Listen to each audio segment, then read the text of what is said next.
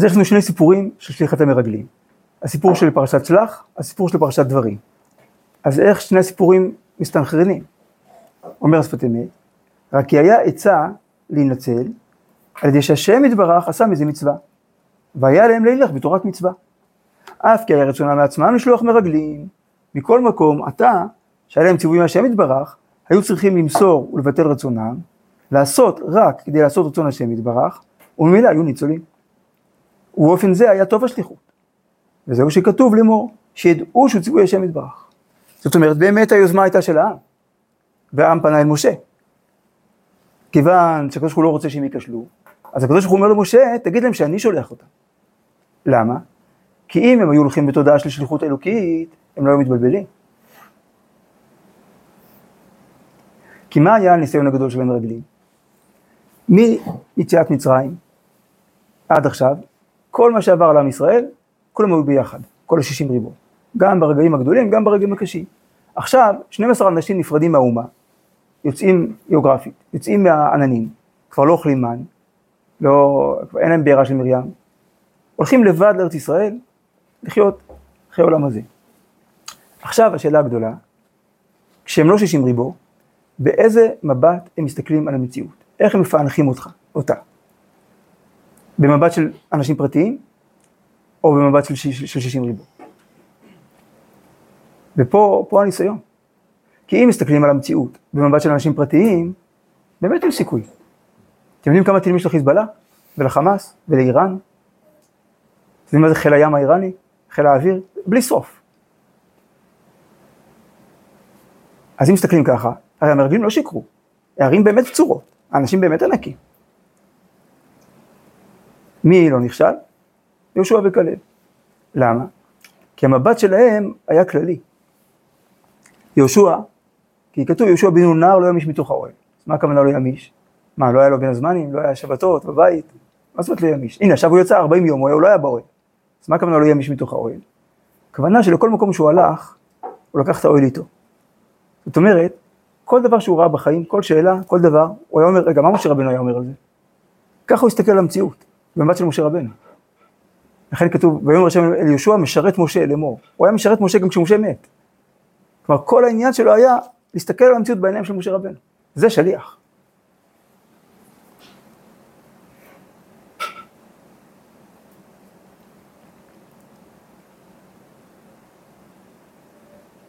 וכלב הלך לחברון, קברי אבות.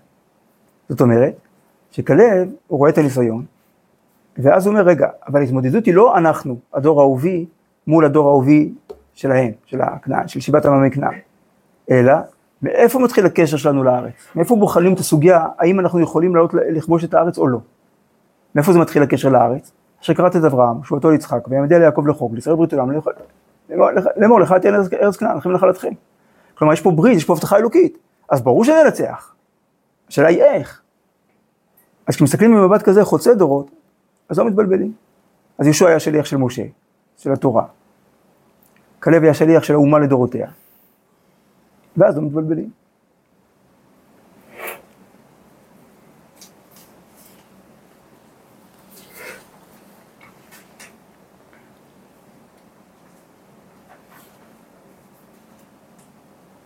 וכן, עכשיו, בשפת אמת מרחיב את זה לכל החיים, כמו שהמדרש עושה.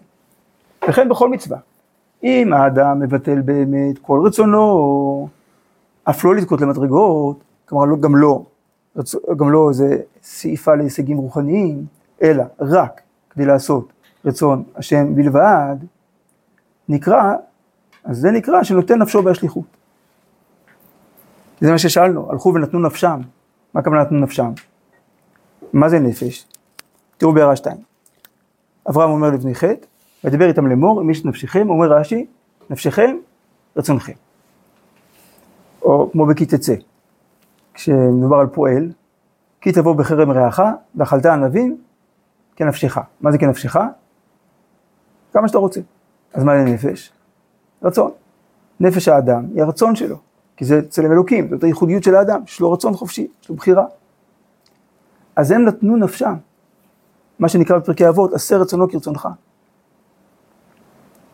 זה נקרא להיות שליח. אני ש... יש לי רצונות, אני בן אדם, יש לי רצונות. אבל מי ששלח אותי לפה זה רצון אלוקי. אז כדי להיות שליח נאמן, אני צריך לגלות שעומק הרצון שלי הוא רצון אלוקי. כלומר, אני צריך לשאול את עצמי, מה אלוקי ברצון שלי? למה השם רוצה שאני ארצה את הרצון הזה? אז איך אני רוצה את הרצון הזה בצורה שהשם רוצה שאני ארצה אותו? ככה לא מתבלבלים.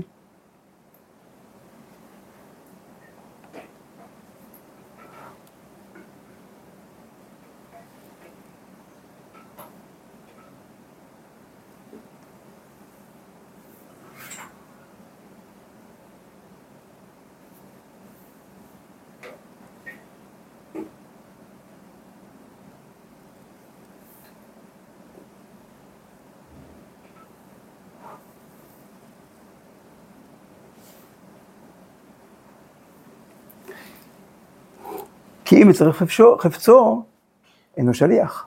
כלומר, תודעה של שליח, אני פה לא בשבילי, אני פה בשביל מי ששלח אותי. והכסף שאני מחזיק ביד הוא לא שלי, הוא מופקד בידיי, כדי לממש את השליחות של המשלח. וזה שכתוב בשליחי יהושע, חרס, שעשו עצמם קדרים. כלומר, העיסוק שלנו הוא בכלים.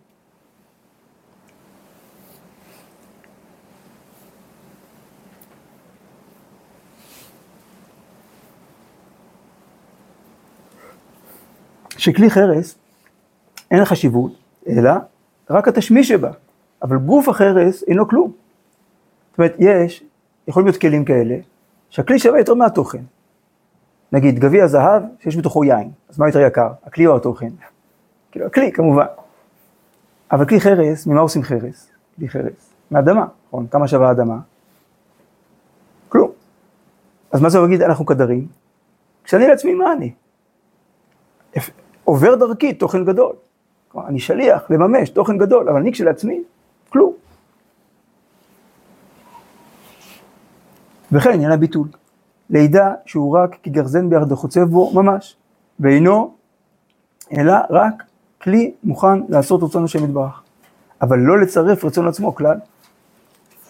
זאת אומרת, אם ייקחו ממני, מהחיים שלי, את השל... החיים שלי, יש... החיים שלי הם שליחות אלוקית. אם ייקחו מהחיים שלי את השליחות האלוקית שבהם, מה יישאר? כלום. זה תודה של, של שליח. שלולא השליחות האלוקית שלי, מה אני ומה חיי? חרס. ככה נכנסים לארץ ישראל. זאת התודעה היחידה שמאפשרת להיכנס לארץ ישראל. והענבים ירשו הארץ. חידושי הרים אומר, השם אומר לאברהם אבינו, לך לך מארצך ומולדתך ובית אביך.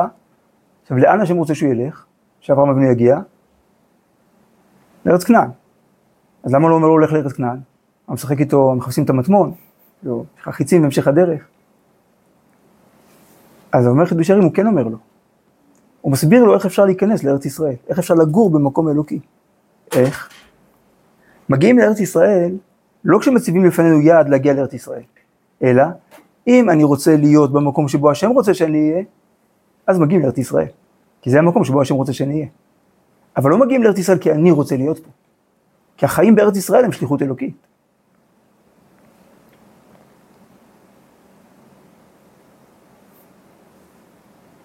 כי זה מצווה, מצוות יישוב הארץ.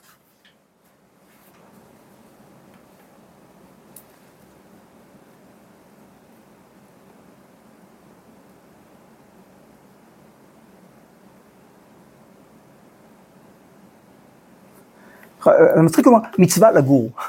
הרי אדם חייב להיות באיזשהו מקום, יכול להיות פה בעולם, אז הוא, יש לו קרקע מתחת לרגליים. לא, מצווה לגור במקום אלוקי, במקום שהשם רוצה שאני אהיה פה. אפילו הקרקע שמתחת לרגליים שלי, היא כי השם רוצה שזה יהיה הקרקע מתחת לרגליים שלי.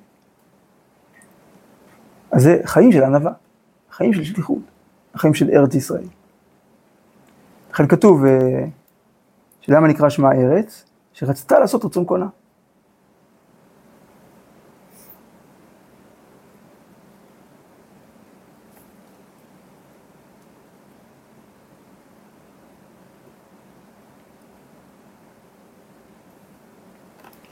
זה שורש הארציות, זה שורש הרצון. לדבוק ברצון קוננו. אז שוב, זה משהו מאוד מאוד כללי.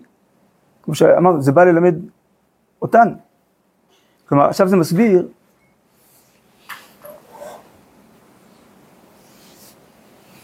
אה, עכשיו דילגנו על המשפט. וזה שכתוב בשליחי, סליחה, דילגנו על המשפט. וזה שכתוב בשליחי יהושע, חרס, שעשו עצמם קדרים, על זה דילגנו. ושמעתי עם אדוני מורי זקני ז"ל, שכיוון שהלכו לאישה זונה, הוצרכו לבטל ההרגש שלהם.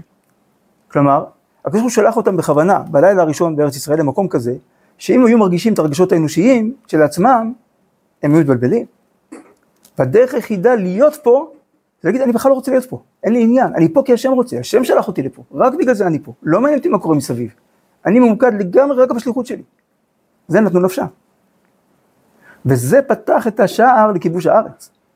כתוב שביריחו היו שבעת העממים, שבעת עמי כנען היו ביריחו, כתוב בסוף יהושע.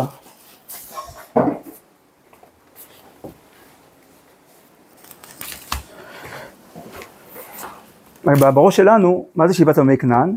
כמו שבעה קנטונים כאלה, כמו שבעה מחוזות, כל מחוז שולט בו עם אחר משבעת עמי כנען. אז אה, כן, מסתבר שברוב המקומות זה היה ככה. אבל יריחו, על יריחו כתוב,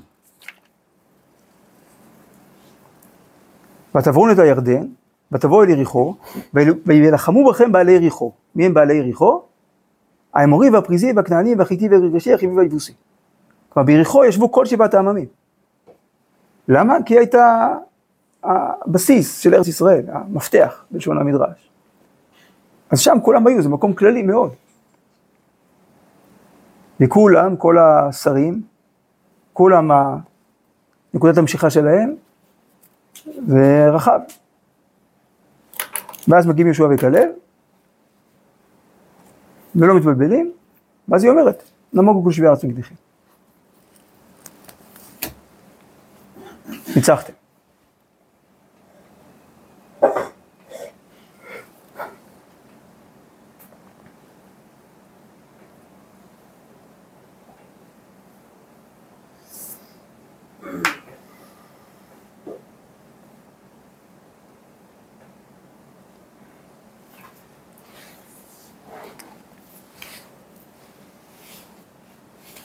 טוב, עכשיו האמירה הכללית באמת, על כל החיים. ובאמת המדרש הזה הוא לימוד על חיי העולם הזה, שנשתלח האדם במקום סכנה. מה מסוכן בעולם? לא שיש בו וירוסים או פיגועים, אלא מה שמסוכן בעולם, שהכל הבל ורעיון רוח. שהעולם מלא דברים, הבל זה הכנה. כתב הרמב"ם, שמונה פרקים, והרב. כלומר, הבל זה דבר שהוא לא תכלית בפני עצמה, אלא הכנה לדבר הגדול, לדבר השלם. הבעיה היא שההבל של העולם מתחזה להיות תכלית.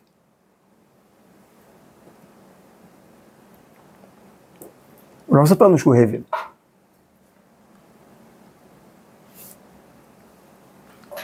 אני אגיד את זה בקיצור, אבל... שהבל זה הכנה, כמו הבל הפה, שהוא הכנה לדיבור. הבל זה לא שטויות, זה דבר חסר ערך. כי למשל חז"ל אומרים שהתורה שאדם לומד בעולם הזה היא הבל בפני תורתו של משיח. מה הכוונה הבל? לא שהיא חסרת ערך, הכוונה שהיא הכנה לתורתו של משיח. או שאין עולם מתקיים אלא על הבל פיהם של תינוקות של בית רבן. כלומר, הפשט שהם לומדים הוא לא בהכרח הכי מדויק, ובטח לא, לא הכי עמוק, אבל ההבל, ההכנה שיש להם, הרצון, השמחה, התמימות, הטהרה, על זה עומד העולם. ברוך אתה אדוני אלוהינו מלך העולם שהכל מדברו. עכשיו איזה ספר צריך ללמוד מחדש? קהלת. כי כשקהלת אומר הבל הבלים, אמר קהלת הבל מכל הבל, לא הכוונה הכל שטויות. הכל חסר ערך, זה לא תפיסת עולם יהודית. אלא, מה הכוונה הכל הבל? הכל הכנה. כל מה שבני אדם בעולם חושבים שזה התכלית, באמת זה הכנה. ואז הוא עובר דבר דבר, זה ספר קהלת. מה אנשים, הוא הולך ובודק, מה אנשים חושבים שזה התכלית, ומוכיח שזה לא נכון, שזה רק הכנה, פוטנציאל. אולי חוכמה, אדם חכם, הכל בהיר לו, הכל מדויק, יש לו מה להגיד על כל דבר, אז הוא מסודר בחיים. אומר קהלת, לא נכון, מקרה אחד קורה לחכם ולכסי, נכון, בא צונאמי, הוא בודק מה רמת האינטליגנציה של האנשים שהוא שותף להם את הבית, כאילו, לא חסינות, הנה בווירוס בגודל 30 ננומטר, והורג את החכם הכי גדול, אז מה, מה זרה לו החוכמה שלו מול וירוס? אז חוכמה היא לא תכלית, אולי עושר, אדם עשיר, יכול לעשות מה שהוא רוצה, חיים מושלמים, לא? אומר קהלת לא, יש עושר שמור לבעליו לרעתו. יש אנשים שדווקא כשהמצב הכללי, הכלכלי שלהם משתפר, אז האיכות חיים שלהם ירדה. עם כל מיני סיבות. כמו המסכנים שזכו בפיס ולא ידעו מה לעשות עם זה, והתבלבלו ועשו שטויות. ו... אולי שמחה. אדם שמח, הכל טוב, אז הוא מאושר כל החיים. אומרת לא, השמחה וההוללות כל כך קרובות, לשמחה מה זה עושה. השמחה בלי תוכן, אז היא לא, סכלות. אז מה כן? בסוף בסוף הוא מגיע למסקנה. סוף דבר הכל נשמע, את אלוקים ירא, ואת מצוותיו שמור, כי זה כל האדם. כלומר, יראת שמיים וקיום מצוות, זה הדבר היחיד שהוא לא הכנה למשהו אחר, אלא הוא התכלית. אז אם אדם חי את התכלית, עכשיו כל ההכנות הן חשובות, כי הן מחוברות לתכלית. אז החוכמה חשובה, והשמחה חשובה, והעושר חשוב, כי הם מובילים את האדם, הם עוזרים לו לממש את התכלית שלו.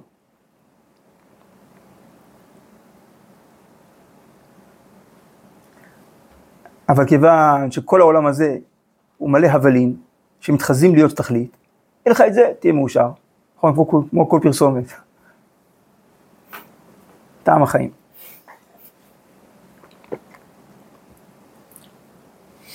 בעצה, אז איך לא מתבלבלים?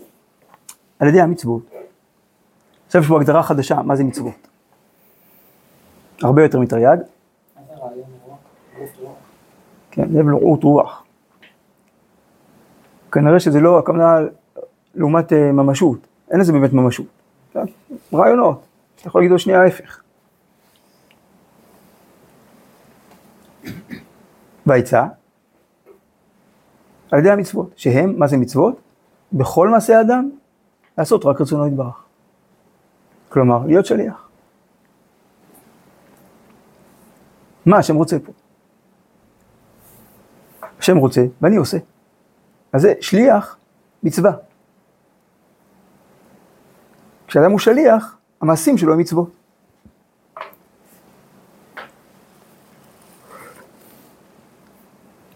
ועל ידי זה יוכל להידבק בפנימיות חיות השם יתברך, שיש בכל מעשה. והוא באמת בחינת שבת. נכתיב לעשות. נכון, בשמעון לישראל את השבת, לעשות את השבת. אז זה לא כמו בסלנג, איפה אתה עושה שבת? איך עושים שבת? השם עשה את השבת. איך אנחנו עושים את השבת? תשובה, בשבת, היום השביעי, ואת השם עשה אותו, להיות כזה. מתי ואיך אנחנו, מתי אנחנו עושים שבת? בימות החול.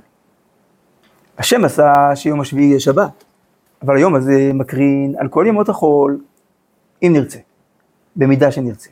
העבודה שלנו היא לעשות את השבת, להפוך את כל המציאות לשבת.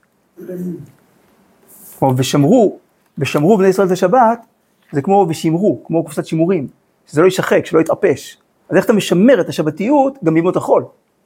שלא תישחק, שלא תיעלם. אז איך עושים את זה? והוא אומר שפת אמת והוא, שבימי המעשה צריך האדם גם כן להידבק בכל מעשיו בחיות הפנימית, שהוא פירוש שבת. שבת היא הנקודה הפנימית, נקודת השבע. כתוב שתלמידים של רשב"י קראו לו שבת דכולה שטה, שבת של כל השנה. כי הוא היה האיש של הפנימיות.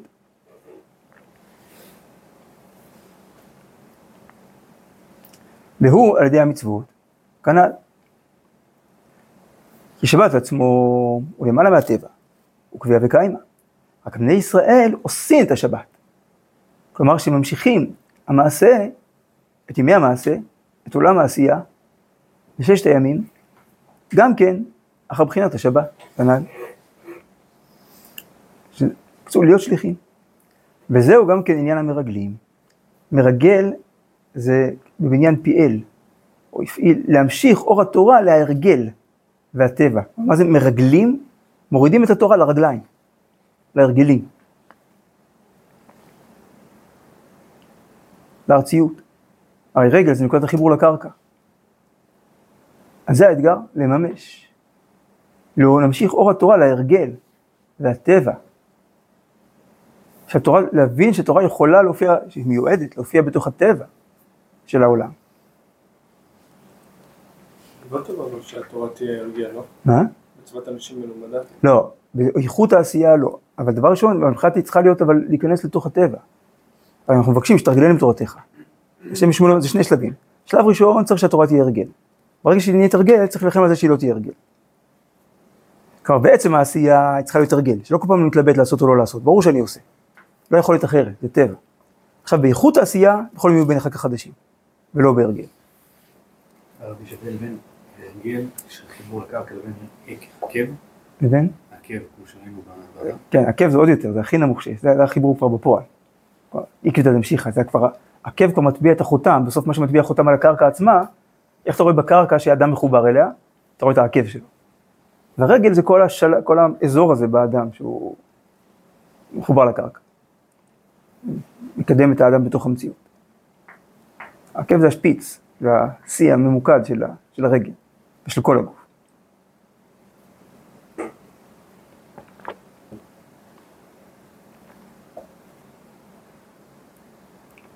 עכשיו במדבר היו בני חורין, ולא היה שום עול אחר עליהם.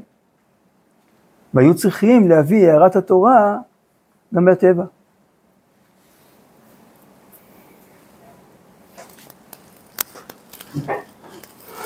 וזהו שאומרים שתרגילנו בתורתך גם כן כנ"ל להמשיך אור התורה גם תוך הרגילות והטבע, כלומר תוך הספונטניות.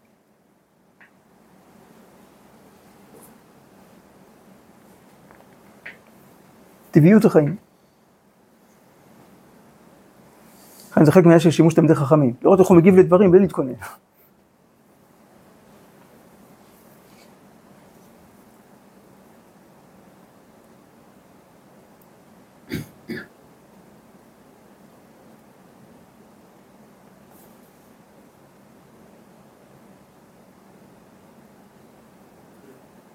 והוא על ידי המצוות, כנ"ל. כי מצווה זה לפעול בתוך העולם הזה פעולה שהשורש שלה הוא שמימי. וזהו שכתוב ויתורו את ארץ כנען, אז גם זה, זה, זה גם ויתורו, הוא מבאר, זה תורה בבניין פיאל. הוא הפעיל, ויתור זה לטטר את ארץ כנען, להפוך אותה לתורה, לטרן אותה. להמשיך מבחינת התורה לתוך הטבע. כנען זה הכניעה לטבע. זה הקצה השני של הסקאלה. שהוא ההערה הפנימית, שצריכים למצוא גם תוך ההלם. והוא, פנימיות, התורה, אור הגנוז במעשה בראשית. כמו שכתוב, מרב טובך וכולי, מה זה וכולי? אשר צפנת לרעך. אז הטוב הזה, רב טובך, האור כי טוב, הוא צפון, אז איך אני מוצא אותו? נראיך. פעלת לחוסים בך נגד בני אדם. כלומר, אלה שיודעים שהמשענת שלנו, החוסן שלנו הוא אלוקי, גם מול בני אדם.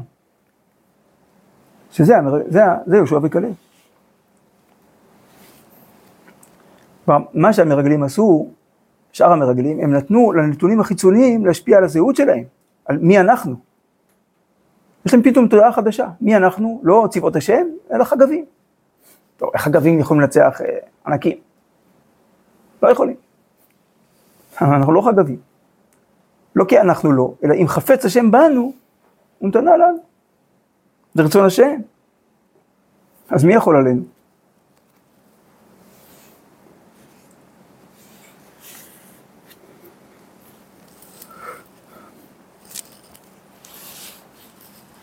טוב, אומר הרב,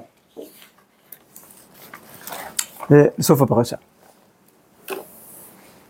פרשת ציצית. נפנימה קבעוה בקריאת שמע. אמר יהודה בר חביבה, שיש בה שישה דברים, שלושה חיוביים, שלושה שליליים. מצוות ציצית, יציאת מצרים או מצוות, ומצד שני, מינות, ערעור עבירה וערעור עבודה זרה. זה קריאת שמע, זה קלות רוחמות שמיים, ברור, השם אחד, ואהבת את השם יקר בכל לבבך, והיה שמוע, זה ברור. כל החיבור של עם ישראל לארץ ישראל, אם שמוע תשמעו בקולי, אבל ציצית, מה, מה קרה? אז מה, מה הפשט? כי יש בשישה דברים. בפרשת קדושים יש פסוקים שיש להם, בפחות פסוקים יש יותר משישה דברים, נכון? לא תשקרו ולא זה ולא זה, כאילו יש לך צרורות כאלה. אז אם העניין זה כמות, אז אתה יכול להביא פסוקים משם. לא, הכוונה לא שיש בה שישה דברים, כי הרבה דברים, אלא הדברים האלה. השלושה האלה מול השלושה האלה. אז למה דווקא אלה? שם לפני אומרת שבעיה שמוע זה קבלת המצוות. כל מצוות, כן. מה ההבדל בין המצוות של בעיה שמוע למצוות של פרשת? אז נראה לי זה קשור למה שהרב הסביר.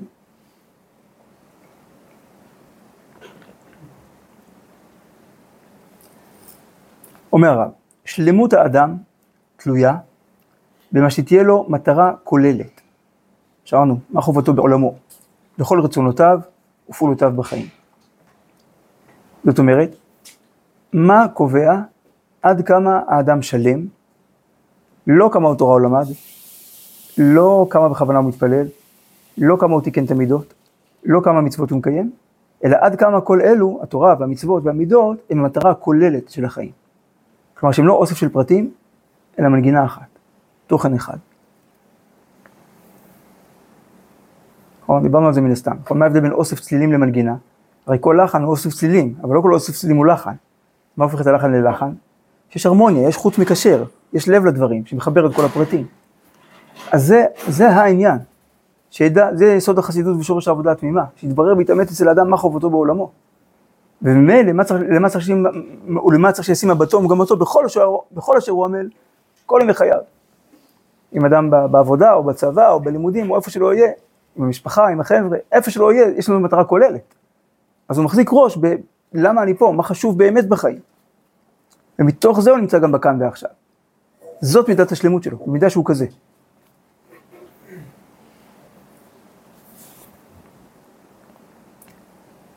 ואז, על פי תעודה, עכשיו הרב מתאר איך נראים חיים של אדם בריא, יהודי בריא. על פי תעודה נכבדת זו, אז זה השורש. תעודה זה ייעוד, שכמובן נכבד, עם ערך פנימי, נשמתי. השלב הבא, בבירורה השכלי. כלומר, אחרי שאני יודע שיש לי ייעוד, מאוד מאוד חשוב להבין אותו. או לבנות תפיסת עולם שלמה, מוצקה, מנומקת, למה באמת זה הייעוד שלי, ומה המשמעות של זה, מה, מה התכנים ש, שהייעוד הזה מבטא. ואז, לפי מידת הבירור בהכרה, ילכו כל רגשי לבבו ושאיפותיו, כלומר ההכרה בונה רגשות ורצונות, ואז מתוך זה יסדר כל מעשיו, או את המעשים בפועל, לתכליתם. מה זה לתכליתם? לממש את הייעוד. אז זה כמו תרשים זרימה, שהסוף מתחבר להתחלה. כי אז כשהוא מסדר כל מצב לתכליתם, עכשיו הוא יותר, ממש, עכשיו הוא יותר חי את הייעוד, כי הוא מממש אותו, אז מתוך זה הוא יותר מבין, אז הוא יותר מרגיש, ויותר רוצה, אז הוא יותר מדייק במעשים, והמעשים מחברים אותו יותר לייעוד, אז הוא יותר מבין, אז הוא יותר מרגיש, וכולי. ככה, זה, זה ההתקדמות של החיים, מחי אל חי.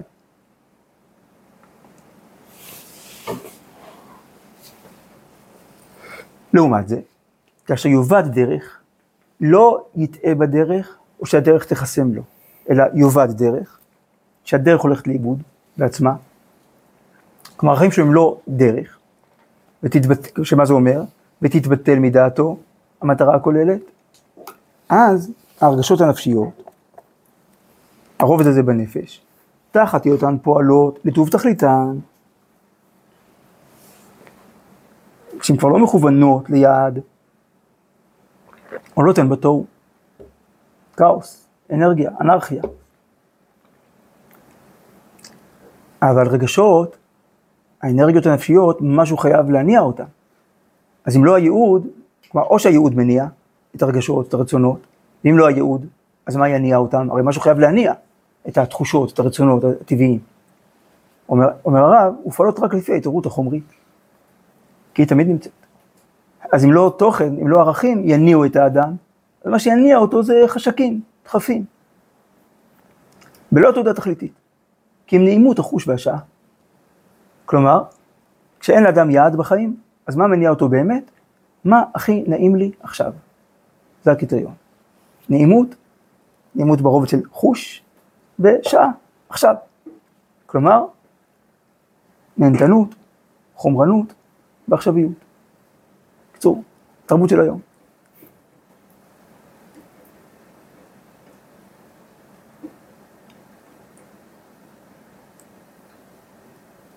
זה לא הכי גרוע, זה השלב בדרך להידרדרות, יש יותר גרוע מזה. וכאשר, השלב הבא, היות ונפש האדם תבחל להיות כאונייה מטורפת, בלא שום כיוון מטרה, מה זה לא נעים לאדם לחשוב שהוא חי בלי מטרה, בלי דרך, אז מה יהיה?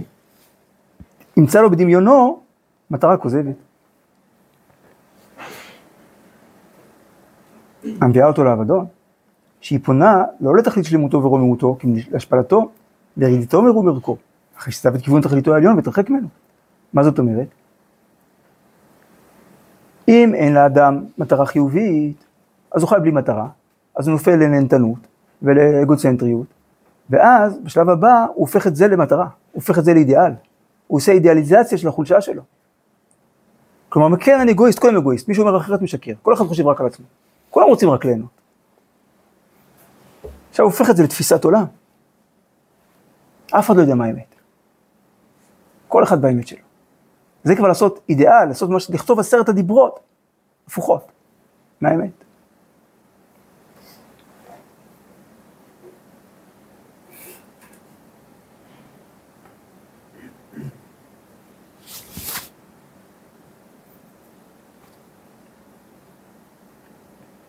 כיוון עליון זה, הוא שכללוהו חכמינו האלוהים, ואומרם, כל מעשיך יהיו לשם שמיים. כל מעשיך בארץ, ברובד העשייה, כל הרובד הפיזי שלנו, הוא, הוא, המטרה, יש לו מטרה, לשם שמיים. תוכן שמימי, שמופיע בארץ, חיבור שמיים וארץ. זה התכלית. של הכל. אנחנו שליחים של השמיים בארץ.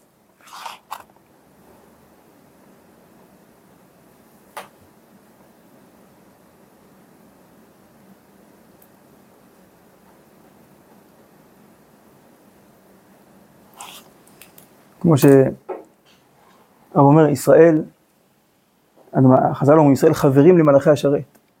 מה שבאמת, עם ישראל הוא לא תת חלוקה של המין האנושי. כלומר, זה לא שיש אה, נגיד אה, צרפתים ואנגלים ואיטלקים ויהודים, אלא ישראל הוא תת חלוקה של המלאכים. יש שרפים, אופנים וישראל. וכשאנחנו, יש לנו שונים משאר המלאכים, זה שיש לנו גוף, אנחנו פה בארץ. אבל אנחנו מלאכים. כלומר, שליחים.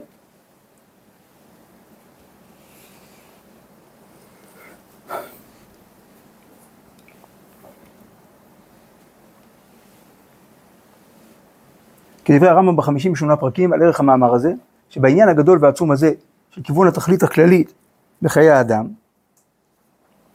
חיברו בו אחרים, כמו כל מיני הוגי דעות, כמה ספרים, אנציקלופדיות, כרכים, מה תכלית האדם בעולם, ולא ישלמו, והם ז"ל סיפרו אותו כולו בקיצור נפרד.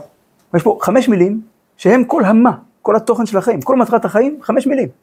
כי כל השאר, כל שאר התורה זה האיך. זאת המטרה, כל מעשה יהיו לשם שמיים, כל שאר התורה זה איך. איך כל מעשה יהיו לשם שמיים? בשביל זה צריך ללמוד הלכה, בשביל לדעת איזה מעשים, בשביל זה צריך ללמוד אמונה, כדי לדעת מה זה שם שמיים. אבל הכל זה פירוט והרחבה של זה. חמש מילים. ולזה מכוונים הם ששת הדברים האלה של פרשת ציצית, שקבעו בקריאת שמע להשלים קבלת עול מלכות שמיים. כלומר, בלי פרשת ציצית, אז גם שמע ישראל זה לא שמע ישראל. זה לא עוד עול מצוות.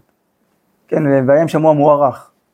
אלא, אלא זה חיבור עול מצוות לעול מלכות שמיים.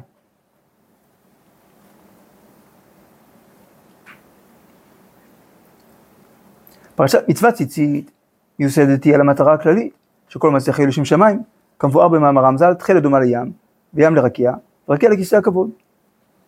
כלומר, שאפילו בלבוש של האדם, כלומר בחיצוניות שלו, ובקצה של הלבוש, ובחוטים של הקצה של הלבוש, יש לך פס תכלת, שמושך אותך לשמיים. כלומר שהחיצוניות, התפקיד של החיצוניות הוא לחבר אותנו פנימה.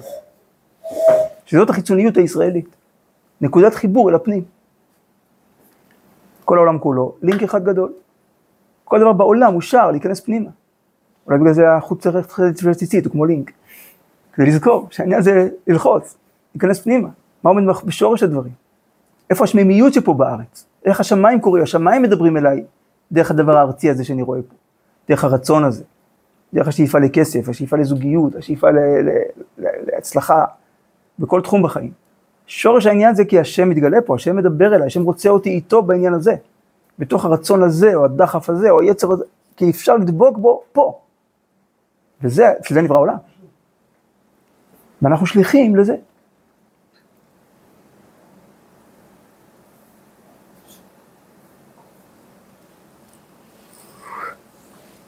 ובהפך לשפלות הנפש של העבדות, שהיא משפלת את כל ההרגשות המוסריות.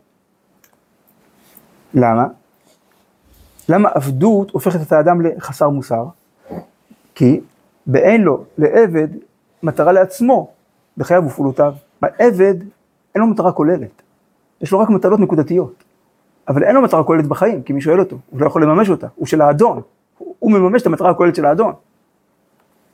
אז מילא, אז אין לו רצון, אז גם הוא לא רוצה כלום, הוא רוצה רק לנוח, אז אין לו מוסר. הרי זכירת יציאת מצרים, שהוציאנו השם ביד חזקה מעבדות לחירות, מרוממת היא את ההרגשות הנעלות והנשגבות, שבן חורין יכול להגיע בהן לרוממות תכלית עמודו, עמודו של עולם. כלומר, מה אומר זכירת יציאת מצרים? אתם לא עבדים, אתם בני חורין, יש לכם רצון כולל. אז אחרי שמבינים את זה, שהחיצוניות מחוברת לפנימיות, וש, ושזה הרצון הכולל שלנו, עכשיו רק נשאר לפרט את זה בכל הפרטים. ועול המצוות הוא המקשר גם את כל הפעולות הפרטיות, כלומר הפרטניות, אה, שלמות התכלית ורוממותה.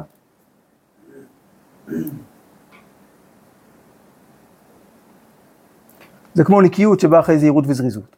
קודם כל, להבין שיש לי דרך בחיים, וכל דבר אני צריך לבחון אותו לפי, ה... לפי האידיאל. ואז בפועל, כל להיות ערני, לחיות את המציאות החיצונית מתוך חיבור אל הפנימיות, שזה הזריזות. להיות קשוב כל הזמן ולהיות על זה, להיות חד בדבר הזה. עכשיו, שנש... אם אדם הוא כזה, יש לו זהירות וזריזות, עכשיו מה שנשאר זה רק להוריד את זה גם לפרטים הקטנים, שזה הנקיות. אז אותו דבר, אחרי פרשת ציצית, חיבור החיצוניות הפנימיות, ומטרה כוללת של החירות, שהיא החירות, היא העצמיות שלנו, עכשיו נשאר לממש את זה בכל הפרטים.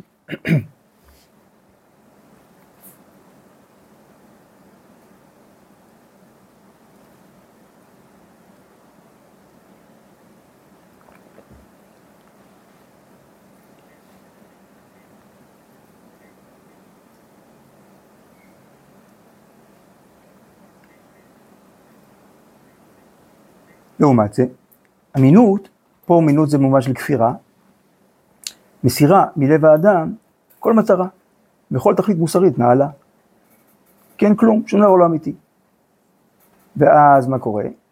אמנם, אף שהכוח המהיר הוא מנהיג את כל כוחותיו לתכליתם, נעקר מן הלב, זה השלב כאילו של הכאוס, של האנרכיה, לא מפני זה תנוח הנפש, כי היא תמיד דינמית. כי, מר אלה, מה יקרה אז? באובדן מטרתה, כמו שהרב אמר קודם, כשאין התכלית חיובית, תנוע באירועי עבירה לאין מטרה. וכשאין מטרה, אז לאן זזים? כי אם כנוד הקנה במים, תנוד לקראת כל גירוי, חיצון או פנימי. כמות שתדפנו רוח. כל מה שמגרה, היא שם, נמשכת לשם. וכמו שאמרנו קודם, אבל זה לא הסוף. אבל כאשר תקוץ הנפש, אז זה אירוע עבירה, מתוך מינות. אבל כאשר תקוץ הנפש, והיות והנפש קצה, והרגישה בחיים בלא מטרה, ריקנות נוראה, והתנגדות לעצם טבעה, אז מה קורה? שלב הבא, אחרי התרחקה מאור האמת ועובדה אור דעתה, תבקש למטרה בבורות נשברים של אירועי עבודה זרה, ביסוד התהוותה. עושים אידיאולוגיה חומרנית. חוץ בלי פנים, שזה עבודה זרה. על כן ראויה הפרשה הזאת, הכוללת כל שלמות ערך האדם, בכיוון תכליתו, כלומר בכיוון של האדם אל תכליתו, זה עשה טוב. ושמירתו מהמפסידים הנחלים מראש ועד סוף, שזה אסור מרע, אז ראויה הפרשה הזאת להיות סמוכה או משלמת לקבלת מלכות שמיים.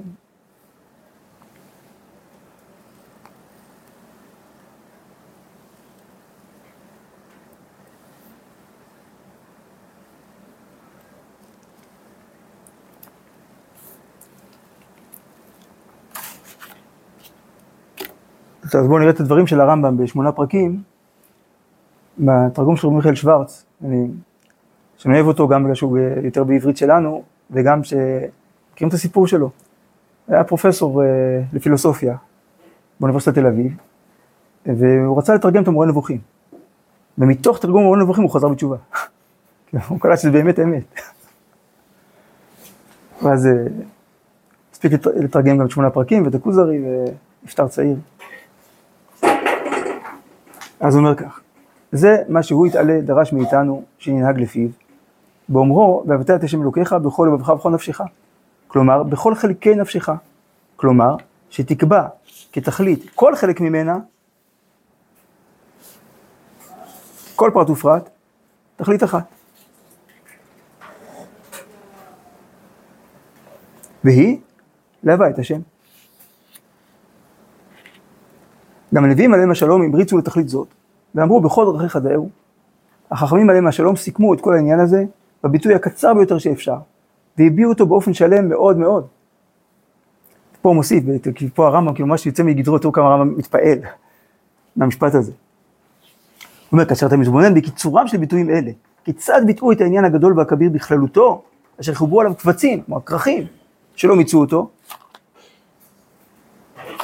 אתה יודע שבלי ספק הוא נאמר בכוח אלוקי. משפט הזה זה רוח הקודש. אדם לא יכול לתמצת את כל החיים בחמש מילים, משמיים.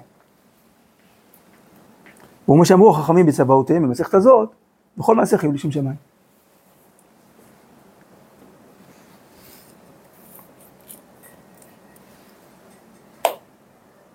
אז לוחות אחריך דאהו, בכל מעשה חיוב לשם שמיים, זה לא רק מוסר, בסוף זה נכנס לשולחן ערוך, זה הלכה. סימן רל"א, שכל כוונותיו יהיו לשם שמיים. אומר המרן, המחבר, נפקא מינה, למעשה, כל יום. אם אי אפשר ללמוד בלא, שנה, שינת הצהריים, ישן. הגעה, ובלבד שלא יאריך בה. לא צריך לכתוב את זה על הפנימייה באותיות אה, בשער. ואף בזה המעט, עכשיו בסדר, אז מותר. עכשיו, מה הכוונה? מה מניע את האדם? ואף בזה המעט לא תהא כוונתו להנעת גופו, אלא להחזיק גופו, כלומר כשלעצמה, אלא להחזיק גופו לעבודת השם יתברך. כלומר, לחזק. וכן בכל מה שיענה בעולם, בעולם הזה, לא יכוון להנאתו כיעד עצמי. נכון, שואלים משהו למה אתה עושה את זה? כי אני נהנה מזה. יש אותו אז מה? אז לא זה מה, אני עושה את זה כי אני נהנה. לא, זה שנהנים ממשהו, זה לא סיבה לעשות אותו. הגוף גם יכול ליהנות שהוא שותה רעל מתוק. וליהנות.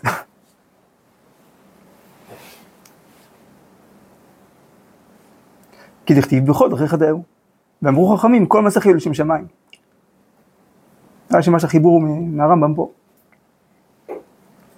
שמה זה אומר? שאפילו דברים של רשות, כל מעשיך, זה הדגש. המצוות, ודאי שהן צריכות לשם שמיים.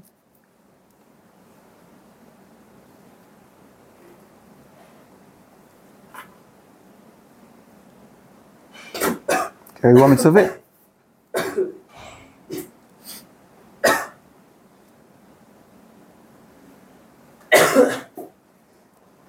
אז החידוש הוא שאפילו דברים של רשות, כגון האכילה והשתייה וההליכה והישיבה והקימה והתשמיש והשיחה וכל צורכי גופך, יהיו כולם לעבודת בורחה או לדבר הגורם עבודתו. כלומר, או באופן ישיר או באופן עקיף. אבל זה חלק מהסביבה, מהמרחב, רקע.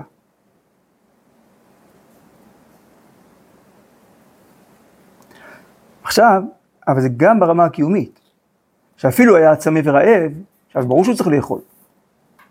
אז זה כבר לא מותרות. אז לכאורה זה לא רשות, כי זה חובה, אבל גם אז, אם אכל ושתה להנאתו, אינו משובח.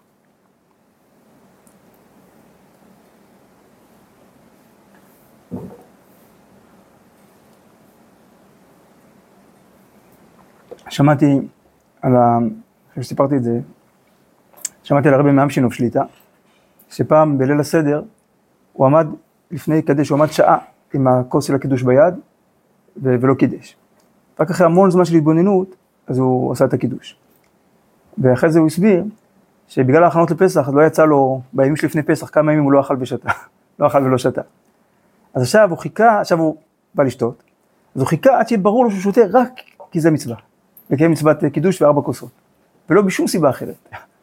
זה לקח זמן, עד שאפילו, אפילו לא, עד, ש, עד שזה מדויק באמת.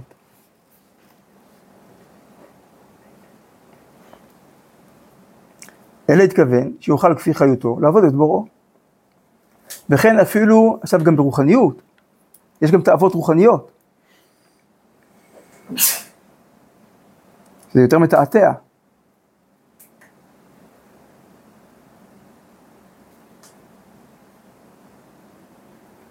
וכן אפילו להישב בסוד ישרים,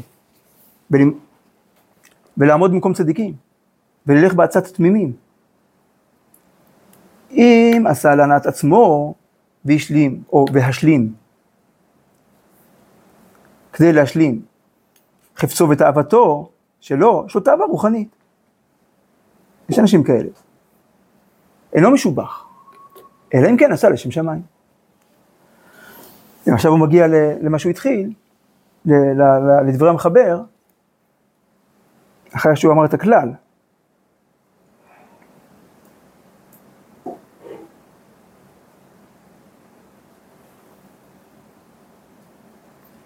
וכן בשכיבה. אין צריך לומר שבזמן שיכול לעסוק בתורה ובמצוות, לא יתגרה בשינה לענג עצמו. אלא אפילו בזמן שהוא יגע וצריך לישון כדי לנוח מיגיעתו, אם עשה להנעת גופו, אינו משובח. אלא התכוון לתת שינה לעיניו ולגופו מנוחה, לצורך הבריאות. שלא תטרף דעתו בתורה מחמת מניעת השינה. כלומר, קשה להתרכז כשעייפים. אז לא מבינים פשט, אז עדיף לישון.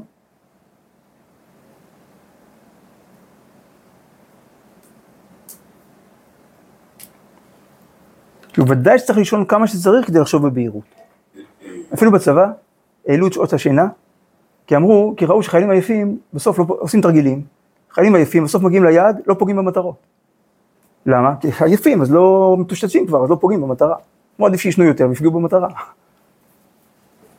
בסוף הרי זה המטרה, נכון?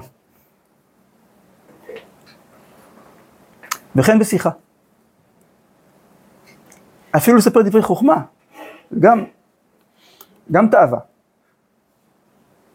איי, כזה חכם, כזה עמוק, כזה מגניב, וואו, יפה, איזה רעיון יפה. נכון, אחד הדברים הכי מעליבים. שאומרים דבר תורה, וואי, זה רעיון יפה. זה מה שבאתי להגיד לך, רעיונות יפים, זה תורה, זה דברי אלוקים חיים.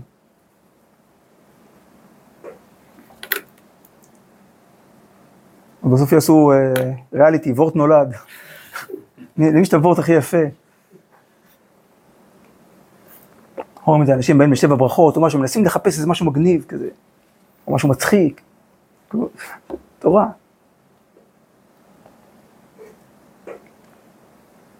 כזו של דבר, חייב אדם לשום עיניו וליבו על דרכיו, ולשקול כל מעשיו במאזני שכלו.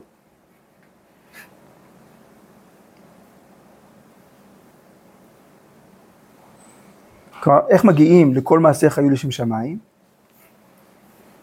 אז קודם כל, מודעות, זה שלב ראשון. מה אני עושה? כלומר שצריך לשקול. ושלב שני, איך שוקלים? מה, כלומר, מה הקריטריון? שכל.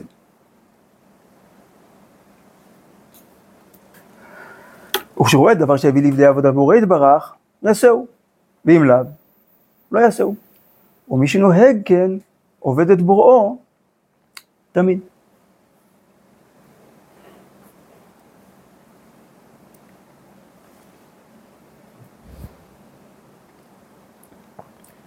במקור הבא גם אמרתי אותו מן הסתם הרבה פעמים בעל פה, אז הנה נראה את זה כמו שזה כתוב. וזהו שאמר, אומר הפנים יפות, תמיד המגיד מעזריץ', וזהו שאמר דוד המלך עליו השלום, אחת שאלתי מאת השם, אותה אבקש, שבתי בבית השם, כל ימי חיי, לחזות בנועם השם ולבקר בהיכלו. אף שביקש דוד המלך עליו השלום בקשות רבות בתהילים, אז מה זה אחת שאלתי? יש לו הרבה בקשות. אמנם כל הבקשות שביקש דוד המלך עליו השלום אינן אלא אחת. כלומר הם ענפי משנה של בקשה אחת. שהם כולן פעולות למען יוכל לשבת בבית השם. והיינו דאמר, אחת שאלתי. כלומר, כל אשר ששאלתי אינו אלא אחת, ורק אותו אבקש. שבתי בבית השם בלי טרדה ומניעה. בשביל זה אני צריך בריאות, בשביל זה אני צריך שלא יהיו לי אויבים, בשביל זה אני צריך פרנסה וכולי. אז זה נקרא שליח, שכל המשאלות הן אלפי משנה של המטרה הכוללת, כמו שאומר הרב. טוב, נזכה, בעזרת השם, להיות שליחים טובים. כל ימי חיינו.